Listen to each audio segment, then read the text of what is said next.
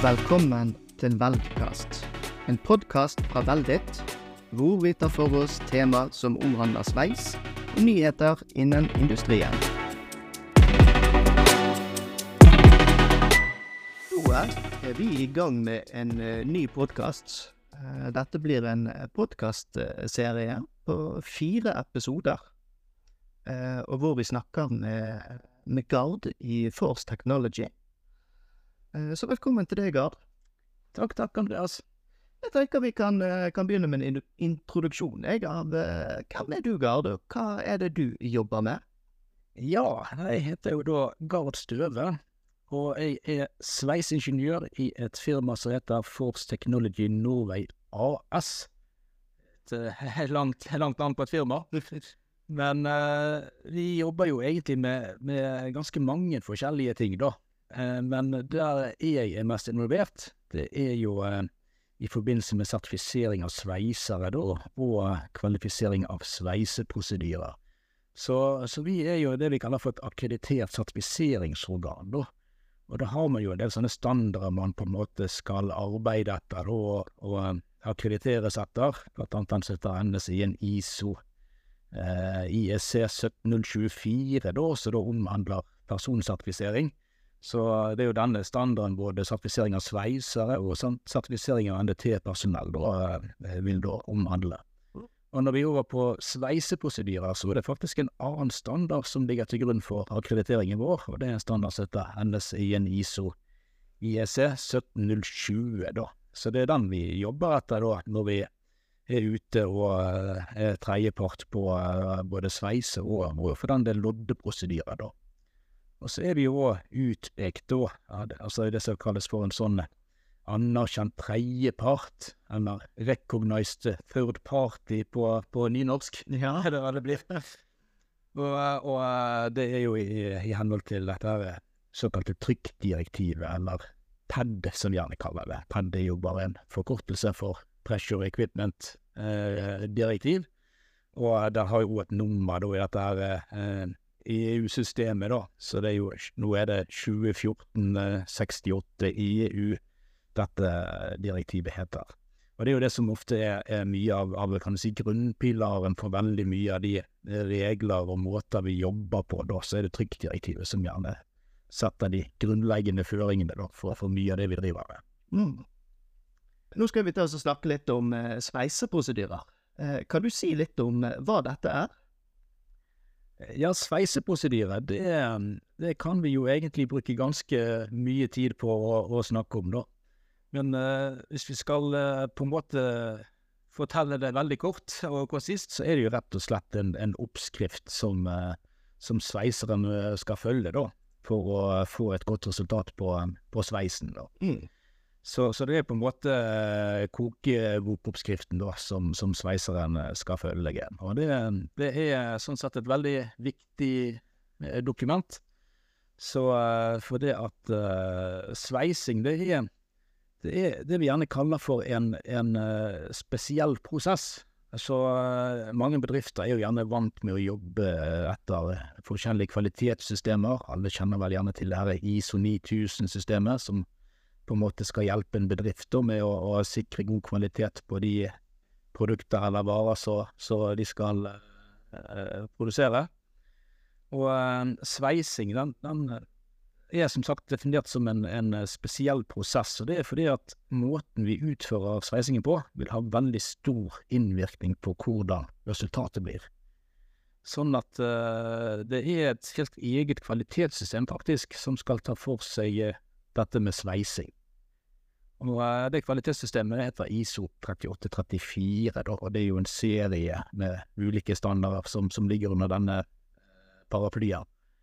Men eh, tanken her er jo at, at eh, eh, det er veldig viktig da å ha god kontroll på hvordan sveising utføres. For det at selv om man har eh, måter nå for å sjekke kvalitet på sveis, altså dette med, med NDT og og, og den type ting, så er det ikke alt man klarer å oppdage likevel. Så det primære er å ha veldig god forståelse og kontroll på selve prosessen.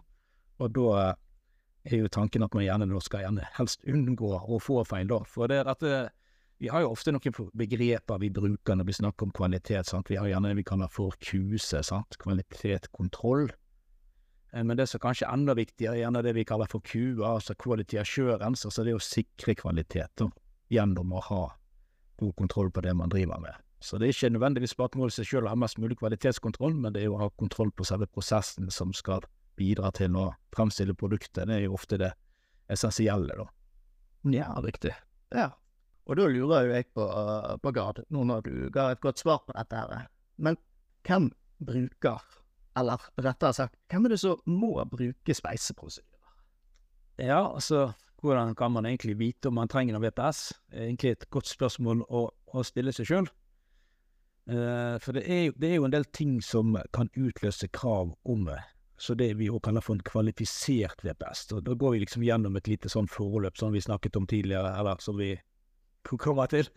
Dette her med, med Det skal gjøres en del testing nå for å verifisere at denne fungerer. Og uh, vi har jo blant annet disse kvalitetssystemstandardene for sveising, f.eks. ISO 3834, både del 2 og del 3 de vil jo eh, faktisk eh, kreve da at produsenten skal utarbeide VPS. Og den skal da kvalifiseres før start av produksjon. Og det er kanskje noe som er greit å, å eh, være litt klar over, da.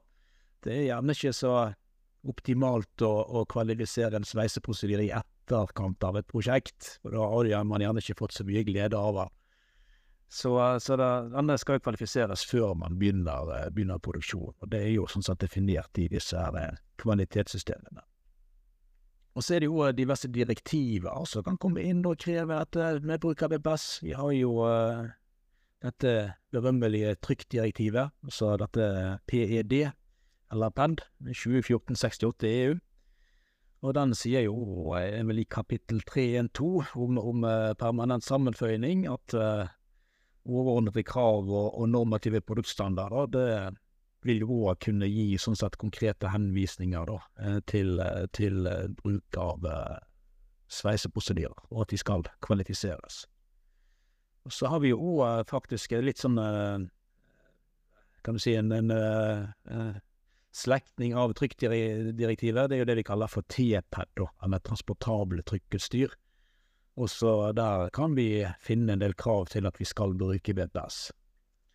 Og, og det som òg gjerne har kommet litt inn, uh, i, blitt relevant da, i, i, i seinere tid, er jo denne her såkalte eurokode 3. Den går jo på stålkonstruksjoner og bygg. Så byggebransjen har jo òg fått uh, mye krav etter hvert da, på uh, bruk av sveiseprosedyrer. Så, så det Eh, det er jo ofte gjerne definert litt i en 1090-serien, som sikkert en del kjenner til. Så der, der vil jo gjerne bli eh, vist videre da, til disse mer ISO-standardene for prosedyrekvalifisering, da. 15614 og, og, og disse standardene, så sikkert en del har vært, vært en del borti. Så har vi jo eh, igjen dette med, med trykkdirektivet. Eh, Ofte må vi gå litt mer detaljert enn bare det overordnede direktivet. Vi må gjerne dykke litt ned i disse, det vi kaller for normative standarder. Det er jo standarder som har til hensikt av å hjelpe oss, da. Man, man, kan jo ofte snakke mye om standarder, og at det kan jo være en, en plage til tider. Men, men, tanken er jo at det, er et hjelpemiddel. Det, det, tanken er at det skal være til hjelp for oss for å lettere kunne da, oppfylle kravene som eh, disse her direktiver og lover setter da, når man skal, skal produsere noe. Så vi har jo 13445. Eh, det er jo en standard for ikke-fyrte trykkbeholdere. Her har vi jo en del eh, krav om, om, dette bruk av BPS. Igjen her så blir vi jo gjerne pekt videre til denne vanlige ISO 15614. Men vi skal være obs på at det kan være en del tilleggskrav her utover de generelle kravene fra 15614. Så derfor er det veldig viktig å ha kontroll over disse her eh, produktstandardene som vi skal, skal arbeide etter. 13480 80 standard på, på, industrielle rørledninger. Her kan det ligge litt i krav. Og så som sagt 1090 som vi snakket om for, for bygg, stålkonstruksjoner. Her eh, ligger det jo en del føringer, og det kan være noen ekstra krav utover det som er i ISO 15614. Så, eh, så er det jo mange av de som er vant med å jobbe opp mot olje- og gassektoren. De kjenner gjerne til Norsok. Det er jo et uh, standardverk. Tanken var jo ofte god med Norsok. Før var det jo gjerne standard og sånt uh, nærmest på hver eneste installasjon uh, offshore. Så var jo tanken å prøve å forenkle dette litt, men nå ha litt mer felles regler, da. Og da var jo der NOFSOK-systemet ble utarbeidet, da. Og her har vi jo gjerne eh, standard som NOFSOC M601 som går på sveising og inspeksjon av rørlinjer, som gjerne gir delføringer på dette med bruk av VPS og hvordan disse skal kvalifiseres. Og NOFSOC M01, da, som er jo strukturstandarden da, etter NOFSOC-systemet. Så er det jo en del eh, da. og her vil det ofte være ganske mye tilleggskrav da, utover de vi normalt kjenner fra ISO 52614. Eh, andre ting vi skal være obs på, som er viktig og, og sørge for å ha kontroll på, det er jo det kan jo være kundekrav som, som uh, har, uh, kan, kan, ofte ha ganske mange tilleggskrav da, utover de som uh, er definert i vanlige, altså med vanlige internasjonale standarder. Så det kan jo f.eks. være operatørselskaper eh, offshore. Ulike kontraktører kan ha sine egne kundespekk som har en del tilleggskrav utover de vanlige standardkravene. Statens vegvesen har jo sine prosesskoder og, og håndbøker som kan ha ekstra krav. Så, så, den store jobben er jo egentlig å, å prøve å komme til bunns hva krav gjelder for det prosjektet vi holder på med nå. Og så prøve å få alle disse kravene fram i dagen før man egentlig går i gang med prosedyrekvalifiseringen. For det er veldig trasig å gjøre ting på nytt igjen, fordi at det har kommet inn tilleggskrav man ikke har helt klart å nøste opp i uh, før man begynte uh, prosedyrekvalifiseringen. Så det som er viktig, er jo gjerne å, å, sette seg inn i de standardene som gjelder for det produktet man skal fremstille. For det er ofte der det vi vil finne kravene til uh, hvor strengt det er med, med bruk av sveiseprosedyrer, og hvordan gjerne de skal kvalifiseres, da. Så uh, vi har jo, vi har jo for så vidt en del, en del uh, definisjoner og sånt som uh, vi gjerne kan, kan, lene oss litt på, da. Og igjen for å ta opp litt tråden fra det vi snakket om tidligere her, sant? så, så dette med sveiseprosedyre er jo faktisk også definert da, til å være et sånn spesifisert handlingsforløp for, for utførelse av sveising. Eh, og det inkluderer jo både sveiseprosesser og referanse til materialer, sveisetilsett, eh, forberedelser, forvarming om nødvendig og, og, alt dette her. Varmebehandling etter sveising kan også være relevant i en del tilfeller. Og eh, alt utstyr som nå skal benyttes, er jo, er jo sånn sett relevante ting å, å forholde seg til.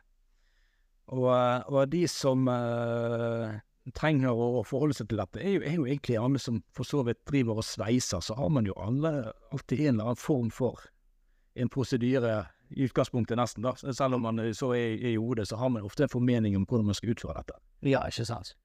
Men så er det jo helt klart at det er jo forskjell eh, på krav om du eh, sveiser på noen eh, gjerdestolper hjemme i hagen, eller om det er en eh, subsea-situasjon som skal gjerne operere flere tusen meter eh, under havoverflaten så er det jo klart at det, det ligger vel en del ulike føringer for de produktene. Det er jo mange som strever med å forstå hva alle disse forkortelsene man bruker det i forbindelse med en speiseprosedyre er. Eh, kan ikke du, Gard, eh, forklare oss litt om dette? Hvilke forkortelser det har vi, og hva betyr de egentlig? Ja, Vi er ofte glad i, i både forkortelser og uh, ulike koder da, når vi snakker om, om sveising. Så ofte er det mye tall og mye bokstaver som tilsynelatende ikke betyr noe som helst, men alt har som regel en mening, da. Og når vi snakker om selv dette med, sveiseprosedyrer og sånt, så, så, er det jo en del begreper som eh, gjerne går litt igjen, da. Og eh, det første jeg gjerne kan nevne, er jo det som heter for en PWPS. Det står jo for Preliminary Melding Procedure Specification. Og det er jo det som er på en måte forslaget da, til hvordan vi skal sveise. Det er jo sånn en, en sveiseprosedyre, den, den, det er jo ofte noe som er nødt til å på en måte kvalifiseres. Vi må på en måte verifisere at denne måten å sveise på fungerer. Den vil ikke forringe materialene vi skal sveise på, i vesentlig grad. Og uh, måten vi går fram på da, er jo det at vi, vi gjerne setter opp en uh, tanke, en idé om hvordan dette er fornuftig. Og det er, gjør vi i form av den PWPS-en. Vi kaller det gjerne bare for PBPS, så den W-en den blir ofte bare uttalt som en V, Ja. for enkelhets skyld. Det blir litt mindre tungegymnastikk. Eh, og eh, etter man har utarbeidet som PVPS, da er jo gjerne tiden for å, å sveise opp denne her eh, prosedyren. Og da har vi gjerne full rulle med bevitning fra tredjepart hvis det er krav om det, og gjerne sveiseansvarlig i bedriften er med på dette her. Og selvfølgelig må vi ha en sveiser som skal gjøre jobben med å sveise opp. Kanskje viktigste brikken i, i, i spillet. Og da sveiser vi gjerne det som heter for en WPQT, altså VPQT, Welding Procedure Qualification Test. Sånn, så det er teststykket vi sveiser opp som vi skal eh, sende videre til, til testing. Eh, den WPQT er gjerne ikke en helt sånn offisiell forkortelse, da, men det, det er noe vi, vi gjerne bruker i dagligtalen. Eh, og eh, når denne testkupongen er ferdig sveist, så vil han jo da gå videre til det vi kaller for NDT, non-destructive testing. Ja, og det er jo en ikke-destruktiv prøvningsmetode, så da er det jo en test vi utfører for å se om det er noe feil i denne sveisen, uten å ødelegge det. Og da kan vi gjerne finne ut om det er problemer med porositet i sveisen, det har sprekt, eh, om det er visuelt uh, godkjent, og uh, for så vidt litt andre ting. Men dette er sånn som typisk går på, på geometri, da. Det er jo det vi gjerne vil kunne avdekke. Og altså geometriske imperfeksjoner, som vi gjerne liker å kalle dette. Så uh, da får vi vite mye, men eh, det som er litt interessant med sveising, er at det er ikke det er andre feil vi kan få. Altså, vi, vi kan jo påvirke materialet, og da har vi det vi gjerne kaller for metallurgiske feil. Ah. Og de ser vi ikke med til. Nei. Så, så, så, så da må vi gjøre noe mer for å finne ut om vi har problemer med, med disse metallurgiske feilene, da. Og da går vi videre til det vi kaller for DT. Destruktiv testing, står det for. Ah. Og det vi gjør da, er at vi ødelegger jo da denne her sveisen. Ser egentlig hvor mye han tåler, da, sånn eh, enkelt forklart, da. Så her har vi jo ulike eh, testbatterier som kan, kan, eller ulike tester som kan utføres da, for å få mer informasjon om de eh, både mekaniske og metallurgiske egenskaper da, til, til sveisen. Så det skal vel dere snakke nærmere om seinere, så vidt jeg har forstått i, i, i, i denne podkastserien. Men vi kan da ta et par punkter. Ja, det syns jeg vi skal gjøre, Gard, nå når vi er godt i gang med disse forkortelsene våre. Ja, absolutt. Så, uh, som sagt, det, vi har jo ganske mange, mange tester som, som kan utføres da. Men det som er kanskje en ganske sentral test, er jo det vi kaller for strekktesting. Og da uh, finner vi jo ut hvor mye styrke da materialet har eh, etter sveising. Og eh, som regel er jo egentlig bare kravet at ikke vi skal at, at vi skal klare å tilfredsstille minimumskravet til eh, materialspekken til det materialet som, eh, som eh, vi har sveist på. Så vi skal liksom ikke forringe egenskapene til å være under det som er minimum spesifisert for grunnmaterialet, da. Og det er klart, sveiser du to ulike materialer i sammen, så er det selvfølgelig det eh, den med lavest styrke vi, vi eh, sammenligner imot. Mm. Det er jo sånn at en sveis er jo ikke sterkere enn det svakeste leddet, så så, så, sånn er det. Så, eh, så strekktesting er definitivt viktig. Da er det jo eh, strekkfastheten på, på sveis vi stort sett uh, vil, vil teste. For du kan si normalt når du tester kun et grunnmateriale, så henter de ofte en god del mer informasjon ut av den strektesten. Da, da får vi jo gjerne dette med flytegrense og bruddforlengelse og tverrkontraksjoner ut av eh, resultatet. Men når vi har en sveis der vi har et sveisavsett, vi har eh, varmtvirkede soner og upåvirket grunnmateriale, da er det veldig vanskelig å vite akkurat eksakt hvor den begynner å flyte, så vi får ikke så veldig gode data på disse andre egenskapene. Så det, det er stort sett strekkfasthet og vi, vi, vi eh, sjekker da på disse tverrstrekkprøvene i forbindelse med, med. Og så er det gjerne noe bøyeprøving som skal utføres. Får vi jo testa både duktilitet og vedheft til, til sveisen. Er det for eksempel bindende bindefeil, vil jo de fort bli veldig tydelige på en, på en bøyeprøve. Samme er hvis vi har store problemer med, med duktiliteten på sveisen, så vil jo det ofte kunne være veldig tydelig i form av at de eh, antageligvis vil gå til brudd, disse bøyeprøvene. Så, så bøyeprøving er en veldig god test, da. Da bøyer vi jo gjerne tverrsnitt eh, avkapp av sveisen. Det kan være rot og råkbøy eller sidebøy, litt avhengig av, av eh, dimensjoner på, på sveisen. Og eh, bøyer det rundt en, en dor, typisk 180 grader, og så ser vi om det kommer noen revner ut av dette. Eh, andre tester vi tar, er jo ofte en, en makroprøvning, da vi tar et tverrsnitt av sveisen, og så tar vi og sliper og polerer den opp som blir helt blank og fin etser det, og som ved trylleslag så vil du da kunne se hele strengoppbyggingen i sveisen. Og, eh, og på den uh, makroen så vil vi jo typisk si at det er imperfeksjoner. Litt, litt det samme som vi leter etter egentlig på, på NDT, da. Det er noen geometriske avvik, om det er noen bindefeil, porositet, uh, problemer med gjennombrenning på, på rotsiden og den type ting. Uh, og, eh, og, på den makroen så er det jo ofte vanlig å utføre en hardest-test, dersom det er krav til det, og det vil jo i mange tilfeller være. Så da, da med den hardest-testen vil vi jo kunne avdekke om det har vært problemer med hendestrukturer, da, som kan jo være ugunstig. Så, eh, så, bare på de, allerede de, testene der, så får vi ganske mye informasjon. Så er det klart at det kan jo gå videre til, eh, til enda flere tester. Sant? Det er jo, enkelte materialer vil gjerne ha en korrosjonstest. Noen tester vil også ha en mikroundersøkelse der vi ser på mikrostrukturen. Da har vi jo en veldig mye større forstørrelse enn en makrotestene. Gjerne opp i 400 ganger forstørring. Typisk for, for duplex, superduplex-materialer er jo dette interessant å, å, å, se på. Og da vil de òg gjerne se etter kjemiske uttellinger, da. Og eh, gjerne telle dette forholdet mellom fritt og austinitt. Nå begynner vel å gå litt vel langt inn i materien her, da, men, men det, er, det, er, mye man da eh, har mulighet til å avdekke med, med sånn det vi kaller for DT, da, destruktiv testing.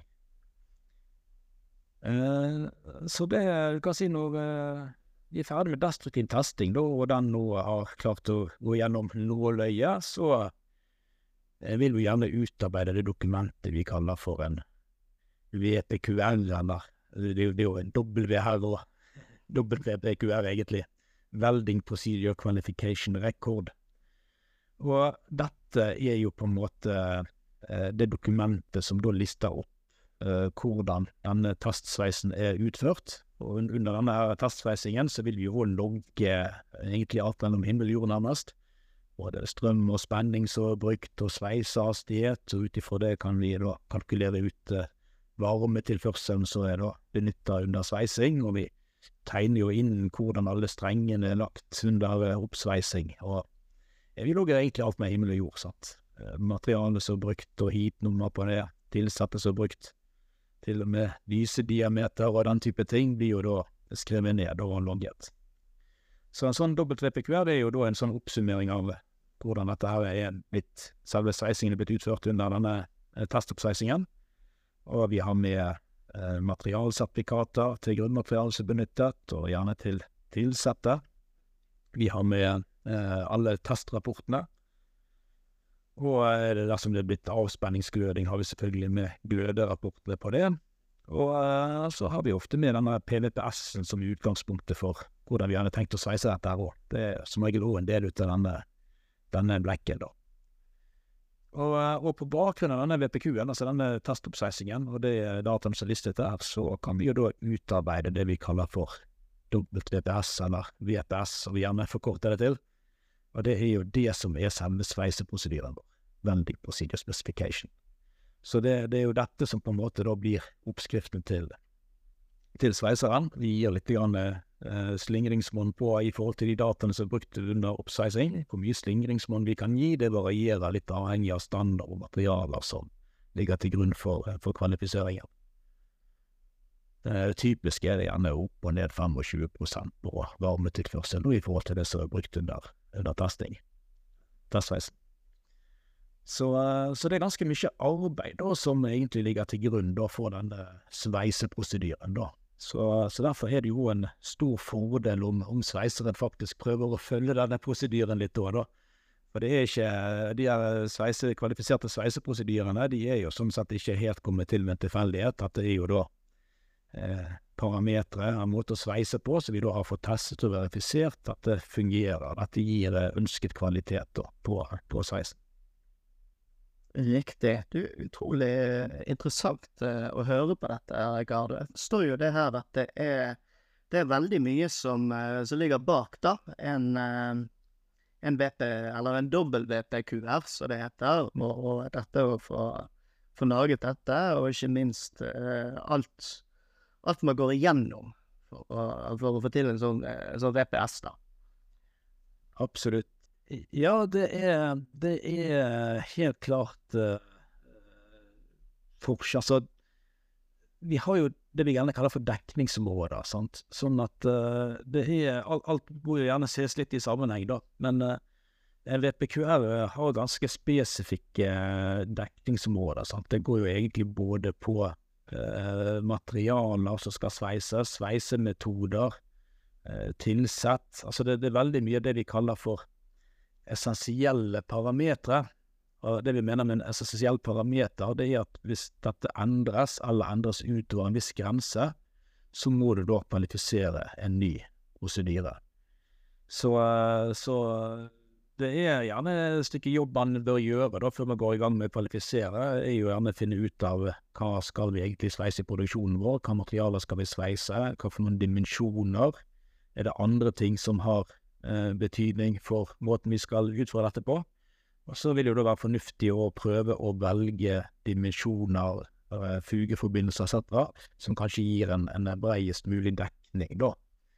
Og så er det òg kanskje lurt å ikke bare gå i den fellen og bare tenke at vi skal ha mest mulig dekning, men det er jo viktig å tenke kvalitet. sant? Altså hva er fornuftig, hva er eh, avgrensningene vi bør gjøre for å sørge for at vi har god kontroll på sveiseprosessene.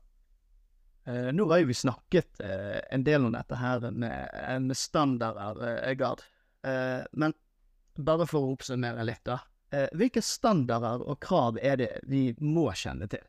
Det optimale er jo å kjenne til alle standarder i hele verden, og pluss de som ennå ikke er utarbeidet, da. Men ellers er det Du kan si det det, det, som ofte kan være greit, er jo gjerne å kjenne til eh, en del ut av disse standardene som setter en del til krav til innhold da, i, i, eh, i disse sveiseprosedyrene. da. Så den, den setter ISO 15609. Det er jo en sånn serie med standard. Sant? Du har 15609 som går på lysbuesveising, 15609-2 på gassveising, elektronstrålesveising, strek 3 etc., etc. Så her er det jo bare å gå inn og og kose seg. Vi har til, til og med egne standarder for, for boltsveising, friksjonssveising. Så, så, vi har veldig mye standarder som forteller hva informasjon som er relevant for disse her ulike sveisemetodene, og hva som, informasjon som er viktig og relevant å ha i en prosedyre. Så det, det kan være greit å for så vidt å kjenne til, da. Uh, ellers er jo det vi har vært inne på tidligere, dette med produktstandardene man skal jobbe etter, er jo definitivt viktig eh, å, å, kjenne til. Så det, det, det, er en liten jobb man må gjøre før man går i gang med å kvalifisere. Nøste opp alle disse produktstandarder, telle kundespekker. Eh, finne liksom hva, hva er faktisk kravet eh, vi må forholde oss til. Andre standarder som kan være veldig gode hjelpemidler under, spesielt under denne utarbeidelsen av PVPS, så, så er det òg faktisk utarbeidet eh, standarder som er generelle anbefalinger da, til hvordan vi kan utføre sveising. Så vi har jo det som gjerne het IN1011 før. Nå er vel det erstattet, eller det er iallfall parallelt med det som heter ISO TR 17671-serien. Mange, mange, mange tallene slenger ut i luften her. Vi satser på at alle sammen husker alt sammen. Her gjelder det bare å peke supporten, spole tilbake, og så Her kan du ta, ta notater. Men, men noter gjerne ISO TR 17671. Det er en fin, fin uh, standardserie som gir anbefalinger da for både generelt for lysbuesveising. Her er det jo òg vi får uh, denne her uh, heat input-utregningene med reduksjonsfaktor og disse tingene her. Eh, veldig greit å, å, kjenne til. Eh, ISO TR 17671-2, da har vi jo generelle anbefalinger for buesveising av frittiske stål, så her kan vi få litt tips om forvarme, temperatur og den type ting. Veldig viktig å, å kjenne til. Uh, den del tre ut av den eh, 17671, det går jo på rustbestandige stål. Her er det gjerne en del sånn eh, maks anbefalt eh, varmetilførsel. Uh, kan du få litt informasjon om. Det er jo igjen mange forskjellige rustbestandige stål, så noen rustbestandige stål må du jo behandle annerledes enn andre. Sant? Så martensittiske rustbestandige stål vil jo typisk ha både forvarme og gjerne avspenningsglødning. Mens østerlittisk rustbestandige stål vil du gjerne bare sveise forsiktig, og alle disse tingene får du forklart i den ISO 17671 del 3, da, så det er flott standard å, å sette seg inn i. Aluminium er jo kanskje greit å prøve å unngå å sveise hvis man kan det. Det er lunefullt materiale, men uh, hvis man vil prøve seg, så er jo 17671 del 4 da en fin standard å, å sette seg ordentlig inn i, da. Uh, her er det en god del tips og vink til å få dette ordentlig til. Så, så denne 17671 det er som sagt en, en, en serie da, med standarder da, som, som, gir oss en del uh, hint og vink til hvordan vi bør utføre denne, denne sveisingen. Og Jeg har inntrykk av at det er mange som ikke kjenner til helt disse standardseriene, så, så det er ofte et godt hjelpemiddel mange går glipp av da. Så, så definitivt. Og igjen andre viktige standarder som vi ikke alle har har skrudd, skrudd av ennå, så, så er ISO 15614 den, den er en fin serie, den er viktig. Det er, det er jo den som på en måte beskriver seg med den prosessen med å kvalifisere VPS-en. Gjerne det vi kaller for VPQR-standard. Altså. Det, er denne, det er denne vi bruker veldig aktivt. Så gir oss dekningsområder etc. Et Og det, det, er en lang, lang serie. Den er ISO 15614 går fra del 1 helt til del 14 hvis den ikke fortsetter enda mer. Og det er jo veldig avhengig av både sveisemetode og materialer, da, så har jo hver sin sånn understandard ut av det, da. Så, eh, så veldig ofte, hvis man da går i en, en eh, produktstandard som på en måte beskriver det vi skal produsere, så vil ofte den henvise da til ISO 15614 for prosedyrekvalifisering, og så kanskje noen tilleggskrav utover det som er gitt i ISO 15614. Så, så det, det, er viktig å ikke bare lese ISO 15614 helt isolert, men, men også ta med eh, ekstrakrav som måtte komme fra både kunder, prosjektspesifikke eh, spesifikasjoner og ikke minst produktstandarden, da. Så, så um, Men eh, ISO 15614 er utrolig sentralt når det gjelder eh, sveiseprosedyrer. Og uh, for de som jobber i, i, uh, med olje og gass, er selvfølgelig Norsok-serien viktig å kjenne til. Mm. Men hvis jeg har lyst til å lære mer om disse ISO-standardene, holder det da å bare gå inn på Google og, og, google disse standardene, eller er det et spesielt oppslagsverk du, du anbefaler? Du må nok Så det kan hende at du er heldig å få napp, men, men dette er jo standarder som er til salgs. ja, så man må nok gjerne belage seg på at dette må betales for, da. Ja, sant. Men så er det da jeg bør, bør gå gard for å det, I Norge er det jo gjerne rett og slett standard.no, men uh, veldig mange bedrifter har jo ofte ordninger, abonnementsordninger eller andre lisensordninger da i egne systemer for, uh, for uh, håndtering og bruk av standarder. da. Men Det som er viktig, er jo å, å ha litt kontroll på hva for en revisjon man bruker. Og for disse standardene de revideres med ujevne mellomrom, og det er jo viktig at man bruker den riktige revisjonen, riktige utgaven av standarden. Mm. Ja, det er veldig bra. Da vet vi i hvert fall det at, eh, at det finnes informasjon der ute for de som ønsker å, å vite mer om, eh, om standardene. Eh, og vi har jo tidligere i, i denne podkasten også snakket med, med, Standard Norge, da. Så de har jo også litt informasjon om hva de har av standarder, og hvordan man eventuelt finner den informasjonen man man måtte trenge. Eh, hva, hva, bør man tenke på når man skal kvalifisere en VPQ-er? Jeg tenker jo det på hvilke dokumenter og forhåndsarbeid er liksom essensielt før man starter prosessen med en VPQ-er. Ja, vi, vi, har jo vært innpå mye ut av det allerede, da. Og vi, vi, har jo referert til uh, mange uh, for så vidt viktige standarder, sant? ikke minst med hva innhold uh, skal en sånn VPQR ha, og så ikke minst den, de standardene som gir en god del hint og vink til hvordan sveisingen bør utføres. da. Men det, det, det som òg er litt viktig, er som sagt å, å prøve å, å sørge for at uh, du er tjent med dekningsområdet kvalifiseringen vil gi. Og så er det noe som man gjerne skulle gjort mer ut av, så gjerne ser det kanskje uh, gjøres litt for lite ut av. Det er egentlig å forberede seg med testsveising. Altså det, det er veldig Én ting er jo alt det teoretiske betraktningene som, som, man gjerne legger til grunn for en NPVPS. Det skal jo være mulig å gjennomføre i praksis òg, da. Så et, et samarbeid med, med, sveiseren som skal uh, sveise opp, der man uh, gjerne tester litt parametere og uh, gjerne ofte fornuftig å kanskje bare sende noen OBS, altså noen testbiter til et laboratorium, bare for å se litt hvordan verdiene ligger, basert på de de prøvningssveisningene man gjør, det kan jo gjerne faktisk man spare litt penger på, da. For uh, ofte er det jo en litt sånn dyr affære når man skal ha tredjeparter og alt dette her. Alt koster penger. Så, så å, å, forberede seg godt, det, det er, en, er fort uh, en investering man kan uh, spare inn igjen, da. Så, så, dette med testsveising, samarbeid med sveiser og, og sørge for at den uh, PDPS-en man, man skal sveise opp etter når på en måte dagen er der, er, er best mulig gjennomarbeidet. Det, det er veldig fornuftig. Mm. Så rett og slett å gjøre litt, uh, litt grundig forarbeid, så blir selve prosessen mye kjekkere for deg. Helt riktig. Ja. Rett og slett gjøre hjemmeleksen. Ja, sant. Ja. Jeg tenker vi bare hopper videre, jeg, for jeg lurer litt på dette. Er det forskjell på krav til struktursveis og rørsveising?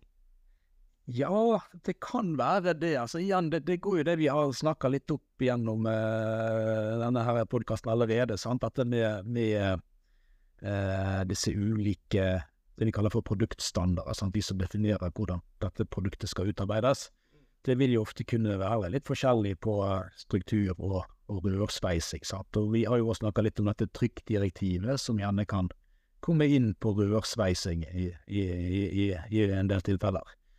Så, så, så, eh, det å vite hva man skal sveise, er jo selvfølgelig eh, nokså avgjørende på, eh, i forhold til de krav som gjerne gjelder på kvalifiseringen, sant, med tanke på testomfang og, og dekningsområder og den type ting. Så uh, et enkelt eksempel er jo det vi, det vi, det vi også så litt på tidligere, dette med, med Norsok. De har jo én standard for rørsystemer, altså Norsok M601, og en helt annen standard for struktur, nokså kremmenulær. Og de har ofte litt ulike krav. altså Det er ikke sånn at de dekker hverandre helt. Uh, de skiller seg en god del på både testomfang og på, på akseptkriterier. Så det, det, skal man være klar over. Så, og videre er det jo uh, å være obs på i hvert fall de som jobber uh, opp imot uh, klasseselskaper. Sant? De har jo igjen sine regler. Sant? Så, så det er det man må vite. Hva, hva, er det kunden skal, hva skal vi produsere? Det er, det er alfa og omega. Hvilke faktorer bestemmer valget av sveisemetode for VPQR? Ja, det, det er jo egentlig opp til bedriften å, å, å, velge det, hva de har lyst til å, å, uh, bruke i produksjonen. sant? Så, så her må jo uh, sveiseansvarlig gjøre en vurdering opp imot uh, materialer, dimensjoner, produktivitet, kvalitet. Så må man gjøre en del betraktninger på dette, da. Og veldig ofte er det jo litt sånn kostspørsmål. sant? Det skal jo helst være effektivt. Produksjonen skal jo helst lønne seg, da. Så så det blir jo gjerne å, å, å, å prøve å velge den metoden som uh, er mest mulig effektiv, men som samtidig opprettholder en tilstrekkelig god nok kvalitet. Så er det noe små, tynne greier med mye vanskelig geometri, så er jo kanskje TIGG en fornuftig metode. Store dimensjoner som du kanskje kan kjøre med pulverbue, vil jo det være en fornuftig metode. Så, så, man må se litt avhengig av på hva man faktisk skal sveise, og ikke minst så har det jo selvfølgelig litt å si hva, hva eh, maskiner og sånt har man til rådighet i, i bedriften. Hvordan eh, involverer man sveiserne i forberedelsesfasen for en VPQR? Ja, det er jo egentlig det er jo godt på uh, vei bare det å faktisk involvere sveiseren i, i, i forberedelsesfasen. Så, så er man allerede kommet ganske langt, tenker jeg. Ja. Uh, og, og, det er jo litt av det som kanskje er litt av min kjepphest, at vi, vi, må få sveiseren med på laget. da. Han må få lov å, å, å ta litt eierskap i, i denne VPQR-en. Det, det, har man alt å vinne på. For uh, det er jo litt sånn at man kan ha jo så mange fine papirer man egentlig bare vil ha, men til syvende og sist så er det jo sveiseren som står med klypen og faktisk utfører sveisen. Det, han, han må vi være på lag med.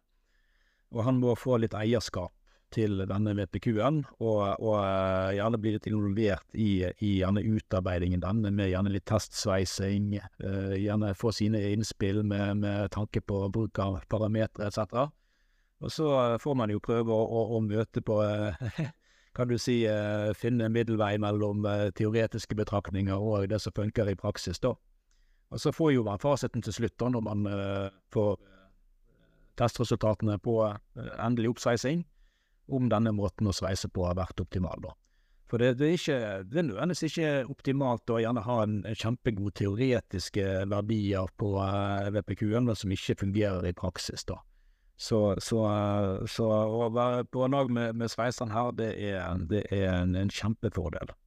Ikke minst uh, prøve å skape litt grann, engasjement og, og eierskap for sveisere som faktisk ser verdien av, av disse bruken, bruke sveiseprosedyrer òg. Du anbefaler det, altså, at vi tar med sveiserne helt fra start? og... Det, det er helt topp. Det ja. tror jeg vil lønne seg. Eh, hvordan eh, påvirker eh, sveiseposisjon og forbindelsestyper forberedelsene til en BPQR? Ja, det kan påvirke, altså i, i den forbindelse med at uh, når vi snakker om sveiseposisjoner, det, det, kan jo påvirke egentlig uh, heateput, altså varmetilførselen til forbindelsen. For vi, vi, snakker gjerne om noen sveiseposisjoner i kalde, noen sveiseposisjoner ved varme. Og, og, det er litt sånn med sveising at uh, det, det, er på en måte kompromissets kunst. Sveiser vi uh, for varmt, får vi gjerne problemer med kornvekst, og så vil han gjerne ryke på disse her slagseiersprøven under, under destruktiv testing. Sveiser vi for kaldt, kan vi få problemer med hardhet og, og uh, herdestruktur. Og så kan han ryke på, på, på arbeidstesting under destruktiv testing. Så, så, så, det, så, sveising er som sagt ofte litt sånn kompromiss, da. Vi må prøve å holde oss på en sånn middelvei. Og, og derfor er det jo veldig vanlig at vi gjerne sveiser opp Eh, gjerne to forskjellige stillinger. Sant? At vi gjerne sveiser i en eh, kald posisjon, der vi er veldig interessert i hardhetsverdiene, for det er jo den mest kritiske posisjonen med tanke på, på, på hardhet. Eh, kald sveiseposisjon vil jo ofte typisk være side inn, eller det vi kaller for PC. Amerikanerne kan være hjemme for 2G. Eh, de har et litt annet system på dette her. Uh, en annen metode som gjerne regnes som å være litt kald, kan jo være PA, da.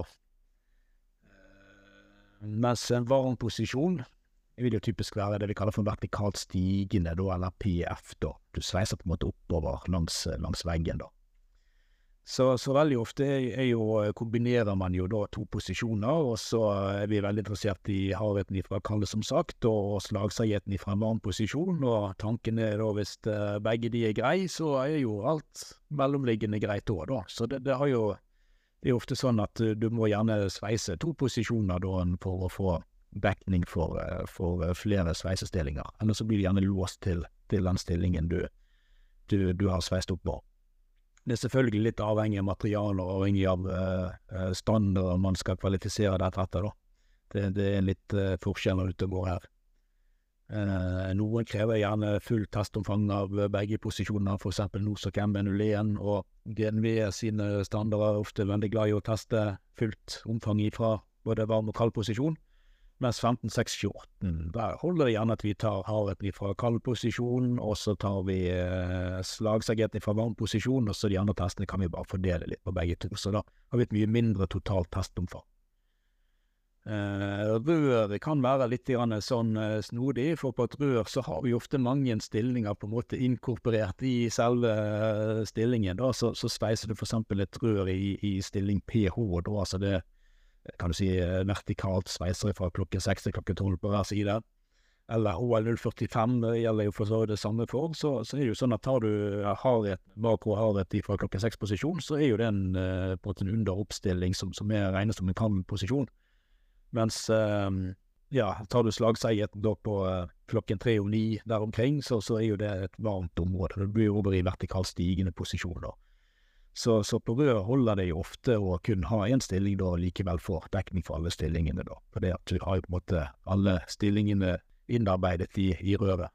Ja, så da litt oppsummert så uh, sier 15.6.14 igjen i hvert fall at uh, uh, to stillinger så denne egentlig nå sidestiller som, som kallposisjon, det er jo det er jo den side-inn-posisjonen, PSC. Du sveiser på en måte bortover langs veggen. Og uh, under opp, altså du sveiser i taket, regnes òg som en kald posisjon. For her, du må, det begrenser hvor mye sveiseavsett du kan sette i fase på disse posisjonene. Du må sveise ganske hurtig for at ikke dette skal uh, ramle ut av sveisen, på en måte. Og har du en høy hastighet, så går varmetilførselen ned, da. Mens uh, vertikalt stigende, det vi kaller for uh, PS, og for så vidt horisontalt, flatt, PA, når du sveiser på en måte midt på, på rett opp og ned på et bord, eh, så, så, har du ganske god kontroll over sveisebadet, kan legge ganske mye fra deg, gå ganske langsomt, og, og da vil jo varmetilførselen øke ganske mye, da. Så, så, det er jo ofte det kombinerer en varm og kald posisjon, det vil jo gi en ganske bred brei dekning da på, på prosedyren. Og så jo gjerne eh, jeg kan, kan, nevne, det er jo dette med, med rør, som har jo på en måte ofte flere posisjoner i, inkorporert i i, i en posisjon, da, så for, for rør så uh, er 15614 eh, klar på at da, kan du ved å sveise i pH, altså røret er låst i horisontal posisjon, du sveiser fra klokken seks til klokken tolv, så vil det òg dekke alle stillinger da, mot at du tar hardheten klokken seks og slagsergeten da på, på siden, altså på klokken tre og klokken ni, da, sånn cirka. Ikke. Så, så uh, sveiseposisjoner har absolutt er et viktig moment i forbindelse med kvalifisering av sveiseprosedyrer. Når det gjelder forbindelsestyper, så uh, det er òg noe man gjerne skal, skal uh, se litt på. Der, kan det av og til være litt føringer på dette med, med, hvor mye dekning du har på, på fugevinkler, ikke minst. Og så ikke minst så skiller vi jo i en del mellom buttsveis og, og, og kilsveis, da. Eh, men nå er det sånn at i utgangspunktet så får du gjerne dekning på kilsveis ved å kvalifisere en budsveisprosedyre.